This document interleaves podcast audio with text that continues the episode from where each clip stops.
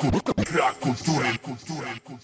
Spero to najnowszy projekt Michała Tomasika, znanego wcześniej głównie z płyt takich jak Hold That Thought i Save It For Yourself. Jakim cudem Tomasik nie został wyłapany przez wy- wytwórnię i nie zrobiono z niego gwiazdy, to prawdopodobnie pozostanie jedną z największych tajemnic polskiego hip-hopu. Gość ma wszystko, czego potrzeba, świetnie śpiewa, kuma melodię, jest zdolnym producentem, potrafi nieźle rapować i przede wszystkim chce mu pisać się teksty, które coś znaczą. I z wielu rzeczy, za które można go propsować, e, skupmy się na tym ostatnim. Od pewnego czasu jego teksty są bardziej wyraziste, nie bał się zajmować stanowiska w sprawach polityczno-społecznych, co można było usłyszeć w kawałku z Clarenzem, jaki jest plan. I choć może polityki na Spero dużo nie ma, to na przykład utwór Ciasny Świat, traktujący o tym, że jesteśmy coraz bardziej dociskani przez innych, że oczekuje się od nas zero-jedynkowości, ale też ludzie próbują nas zdeptać i dlatego powinniśmy zostać sobą i walczyć o swoją tożsamość, to bardzo ważny numer, z którym bardzo łatwo jest się też utożsamiać. W innym miejscu Tomasik podkreśla, że potrzeba tolerancji na inne poglądy czy style też jest istotna, e, o ile z kimś rzeczywiście da się porozmawiać, a nie tylko wykłócać. Warto wspomnieć też Buca, numer o tym, że Michał nie jest duszą towarzystwa